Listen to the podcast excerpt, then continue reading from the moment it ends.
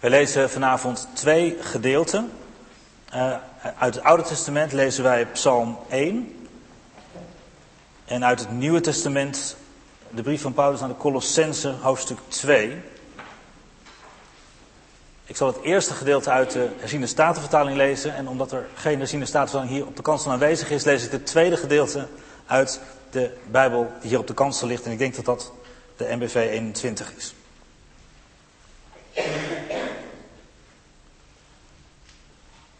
Psalm 1. Welzalig de man die niet wandelt in de raad van de goddelozen, die niet staat op de weg van de zondaars, die niet zit op de zetel van de spotters, maar die zijn vreugde vindt in de wet van de Heere en zijn wet dag en nacht overdenkt. Want hij zal zijn als een boom, geplant aan waterbeken, die zijn vrucht geeft op zijn tijd, waarvan het blad niet afvalt. Al wat hij doet zal gelukken. Maar zo zijn de goddelozen niet. Die zijn juist als het kaf dat de wind wegblaast. Daarom blijven de goddelozen niet staande in het gericht. De zondaars niet in de gemeenschap van de rechtvaardigen.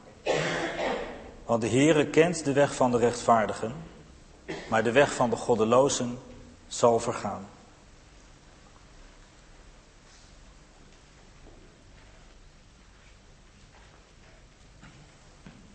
En dan uit de brief van Paulus aan de Colossense, het tweede hoofdstuk, vers 1 tot 10. Waar Paulus schrijft, ik wil dat u weet hoe zwaar de strijd is die ik voor u en de gelovigen in Laodicea voer, en voor alle andere gelovigen die mij nog nooit in levende lijven hebben gezien. Zo wil ik hen bemoedigen en hen in liefde bijeenhouden, opdat ze tot de volle rijkdom van allesomvattend inzicht komen, tot de kennis van Gods geheim, Christus, in wie alle schatten van wijsheid en kennis verborgen liggen. Dit alles schrijf ik u, opdat niemand u met fraaie redeneringen op een dwaalspoor brengt. Want hoewel ik lijfelijk niet aanwezig ben, ben ik in de geest wel bij u. En ik zie met vreugde hoe hecht u met elkaar verbonden bent en hoe onwrikbaar uw geloof in Christus is. Leef in eenheid met Christus Jezus, nu u Hem als uw Heer aanvaard hebt. Blijf in Hem geworteld en gegrondvest. Houd vast aan het geloof dat u geleerd is en wees vervuld van dankbaarheid.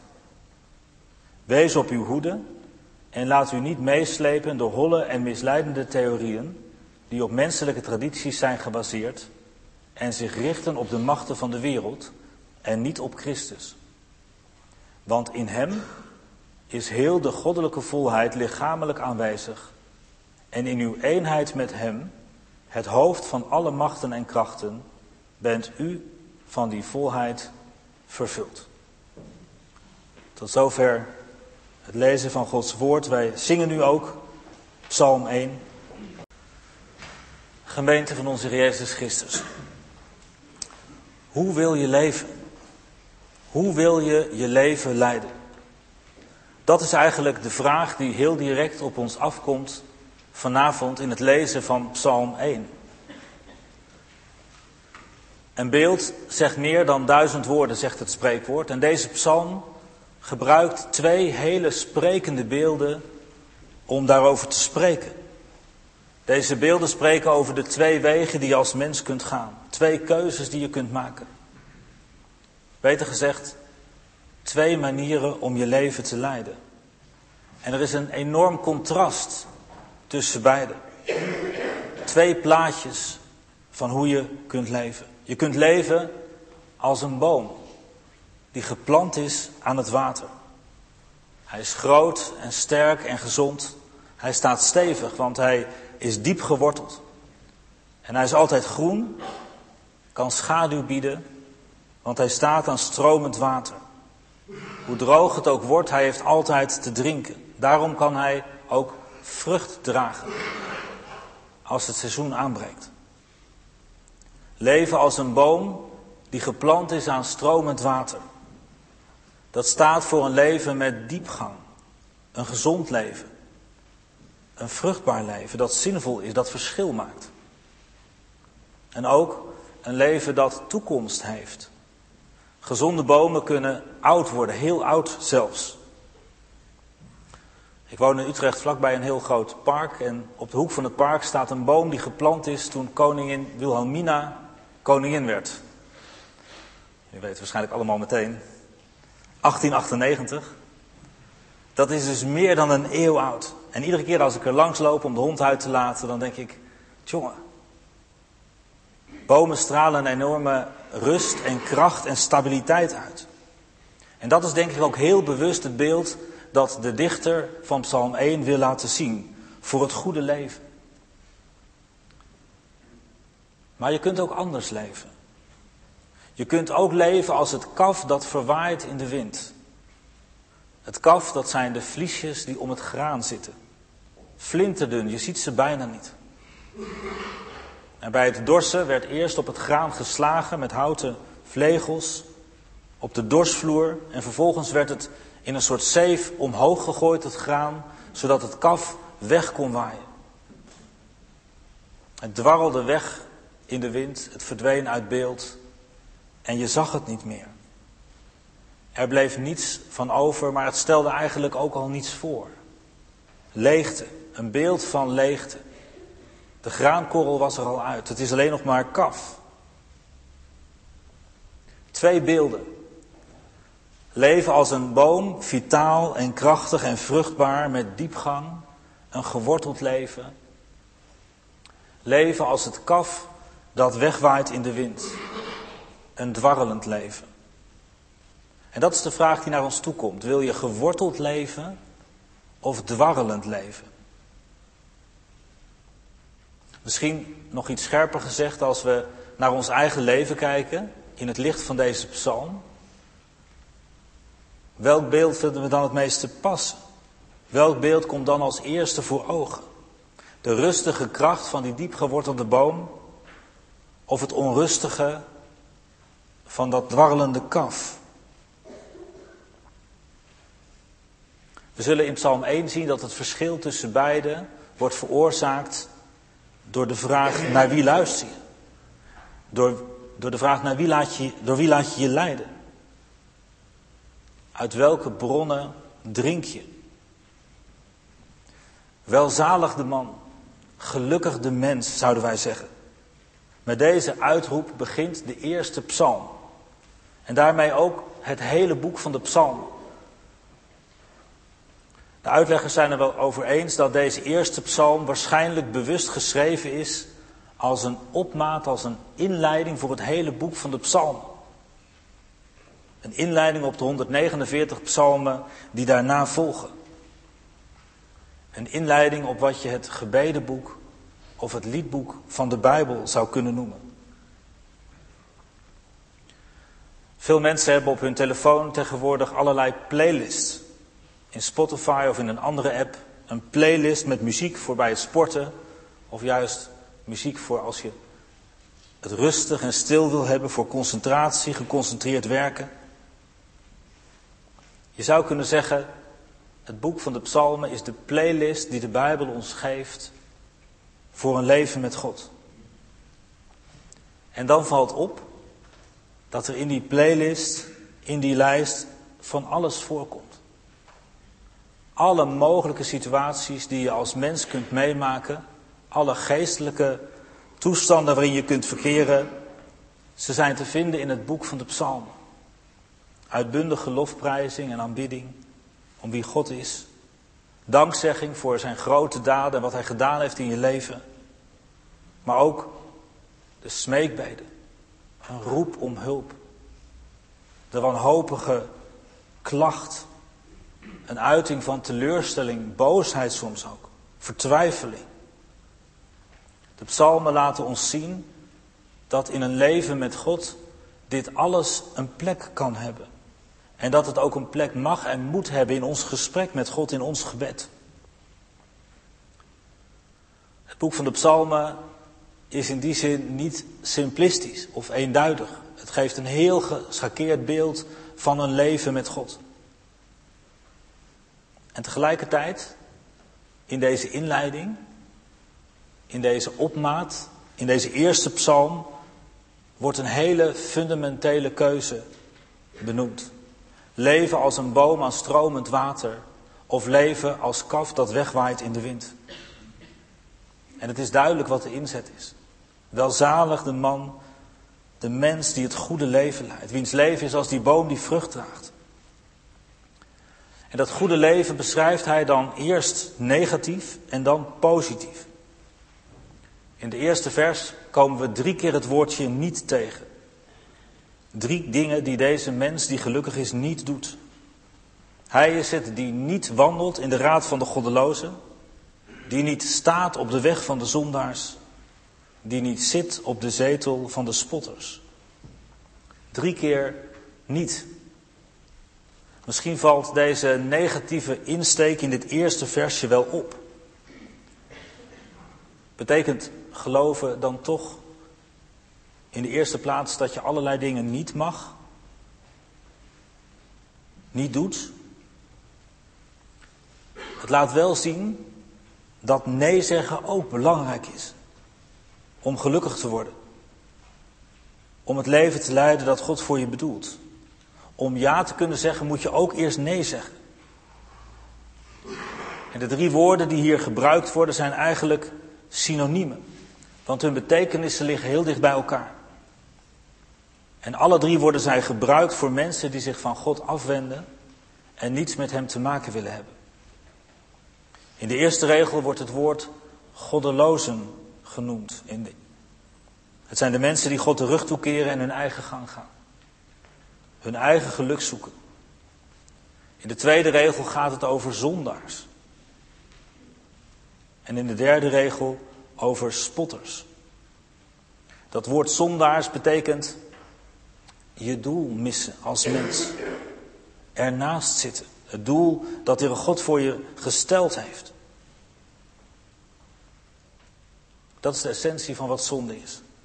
Maar er zit een opbouw in die drie woorden. Het begint met los van God willen leven, dan je doel missen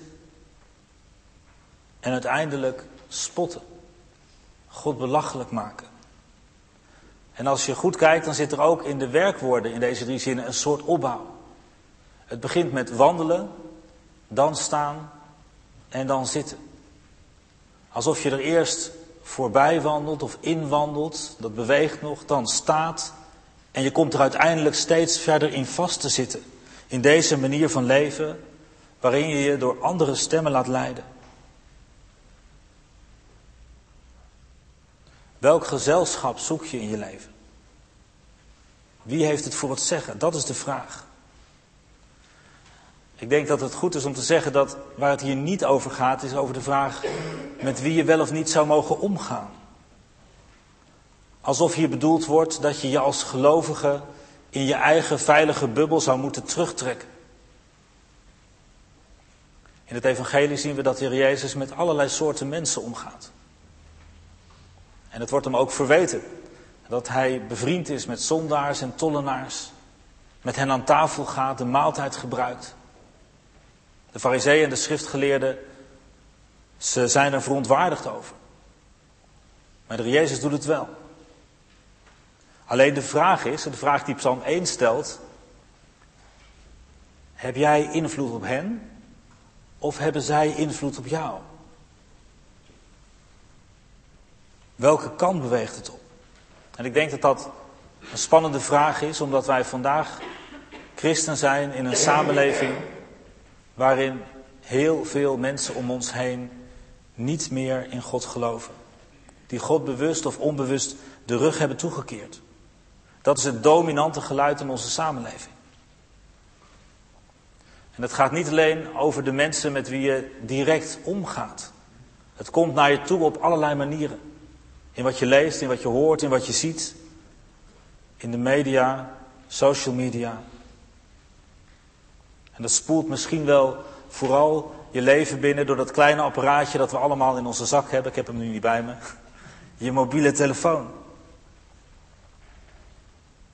Als je een dwarrelend leven wil leiden, dan moet je vooral veel, heel veel op je mobiel zitten. En luisteren naar wat voorbij komt op TikTok en Twitter en Insta en YouTube en Netflix en al dat andere. De kring van de spotters hoeft niet bij je aan tafel te zitten om toch invloed te hebben in je leven. Want het komt allemaal wel binnen. En natuurlijk staan we midden in deze samenleving. En ik denk niet dat er van ons gevraagd wordt dat we oogkleppen opzetten en ons afsluiten. Maar het gaat wel over keuzes die je maakt. En ook over nee zeggen op bepaalde momenten. De vraag is, heb je ook filters? Zijn er momenten dat je heel bewust een deur dicht doet? Welzalig is de man, gelukkig is de mens, zegt Psalm 1, die het niet doet. Die zich niet laat leiden door stemmen van mensen die God terug hebben toegekeerd.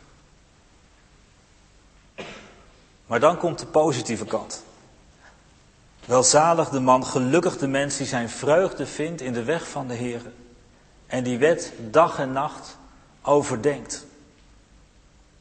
Vreugde vinden in de wet. Dat klinkt ons misschien op het eerste gehoor wat vreemd in de oren. Dat er wetten en regels nodig zijn, dat dat noodzakelijk is, dat begrijpen we. En dat je je eraan moet houden ook. Maar om er nu je vreugde in te vinden. Ja, als je, misschien als je jurist bent of rechter gestudeerd hebt. Maar vreugde om de wet. Soms zien we de wet als een lange lijst van regels, leefregels, geboden. Dingen die God ons verbiedt en die Hij van ons vraagt. En waarvan we al gauw ontdekken dat we daar maar ten dele aan kunnen voldoen.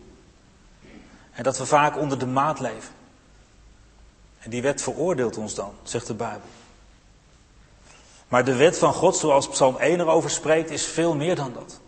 Twee keer wordt in dit vers het woord Torah gebruikt. Het is een bron om uit te putten, die je leven voedt. Het is een weg om te gaan. De Duitse theoloog Martin Buber, Joodse theoloog, vertaalde het woord Torah dat hier wordt gebruikt met het woord Waizu. De Torah, dat zijn de woorden van God die je de weg wijzen. De weg naar het goede leven. Het goede leven dat de Schepper voor ons bedoelt. Vreugde vinden in de wet, dat doe je als je daarin het goede, het echte leven vindt.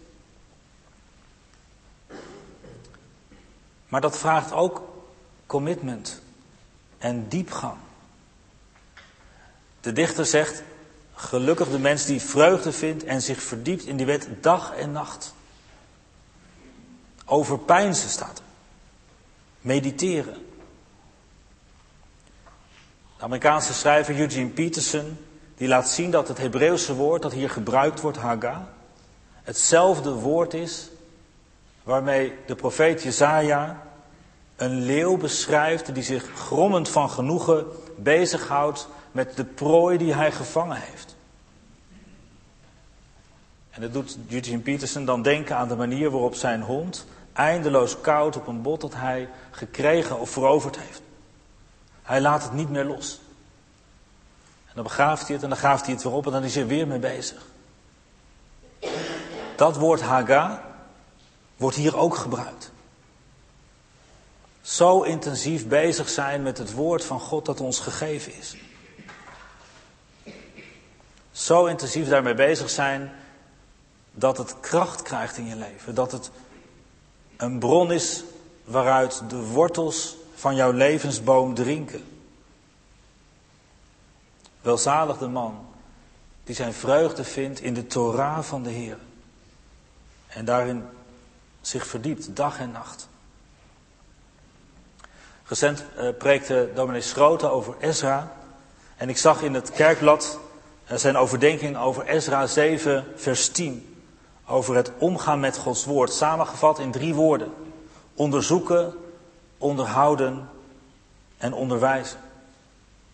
Dat is een mooie uitwerking van het overdenken, ook een O, waar Psalm 1 over spreekt. Overdenken, onderzoeken, onderhouden, onderwijzen. Die mens, zegt Psalm 1, zal zijn, zal zijn als een boom die geplant is aan waterbeken. De boom die onder alle weersomstandigheden met zijn wortels water uit de grond kan halen. Dat stromende water is het levende, wegwijzende woord van God. Als je op die manier in Gods woord geworteld bent, dan heeft Psalm 1 rijke belofte voor je. Op zijn tijd draagt hij vrucht. Zijn bladeren verdorren niet. Alles wat hij doet komt tot bloei. Dit goede leven is een duurzaam leven en een vruchtbaar leven. Groen en fris en vol van leven, ook als er droogte is. Gelukkig ben je als je je laat voeden door Gods woord. Alles wat je doet, zal gelukken, zegt de psalm zelf. Dat wil niet zeggen dat het je alleen maar voor de wind zal gaan. Ook een boom aan stromend water geplant kan stormen meemaken. Maar hij is stevig geworteld en valt daarom niet om. Ook een boom geplant aan die waterbeken kan perioden van droogte kennen. Maar zijn diepe wortels en het water dat stroomt geven hem altijd een bron om uit te drinken. En deze boom draagt vrucht. Dat is een belangrijk gegeven. Als je zo leeft, dan leef je niet alleen voor jezelf, maar kun je verschil maken. Voor de mensen in je omgeving, in de samenleving. Als je zelf geestelijk gevoed wordt door de Torah, door het woord van God, dan geeft je dat het vermogen om ook anderen geestelijk te voeden. De spannende vraag voor ons vanavond is dus, hoe ben je geworteld? Uit welke bron drink je? Heel concreet, hoeveel ruimte is er in je leven om je te verdiepen in Gods woord? Er wordt van Nederlandse christenen gezegd dat ze bijna niet meer in de Bijbel lezen. Ik las onlangs dat Nederlanders gemiddeld 5,5 uur per dag op een scherm kijken, waarvan 2,5 uur op hun mobiele telefoon. Zou je dan niet, en ik zeg het voorzichtig, maar zou je dan niet moeten zeggen dat dat misschien wel de belangrijkste bron is waar we uit drinken? De veelheid aan informatie, filmpjes, foto's, verhalen, grappen, beelden, memes, tweets en alles wat ons leven binnenkomt. Je kunt geworteld leven, maar je kunt ook dwarrelend leven. Dan ben je niet als de boom die stevig staat en vrucht draagt, maar als het kaf dat wegwaait in de wind. Het is vluchtig en oppervlakkig. Richard Foster zegt in een van zijn boeken: Oppervlakkigheid is de vloek van deze tijd. De wereld heeft schreeuwend behoefte aan mensen met diepgang. Gewortelde mensen. Hoe geworteld ben jij? Kunnen de wortels van jouw leven bij het levende water van Gods woord of staan ze droog? Aan het einde van de psalm wisselt het beeld. En dan gaat het opeens over twee wegen. En dan wordt het contrast nog scherper en confronterend. Er is dan niet een keuzemenu van allerlei opties zoals wij dat inmiddels gewend zijn op allerlei terreinen van het leven. Er is veel te kiezen. Nee, er zijn maar twee wegen. De weg van de goddeloze, die zal vergaan. De nieuwe Bijbelvertaling zegt, de weg van de goddeloze loopt dood. Dat zijn de mensen die niet naar God luisteren, maar zich door andere stemmen laten leiden en hun eigen gang gaan. Dat is een doodlopende weg.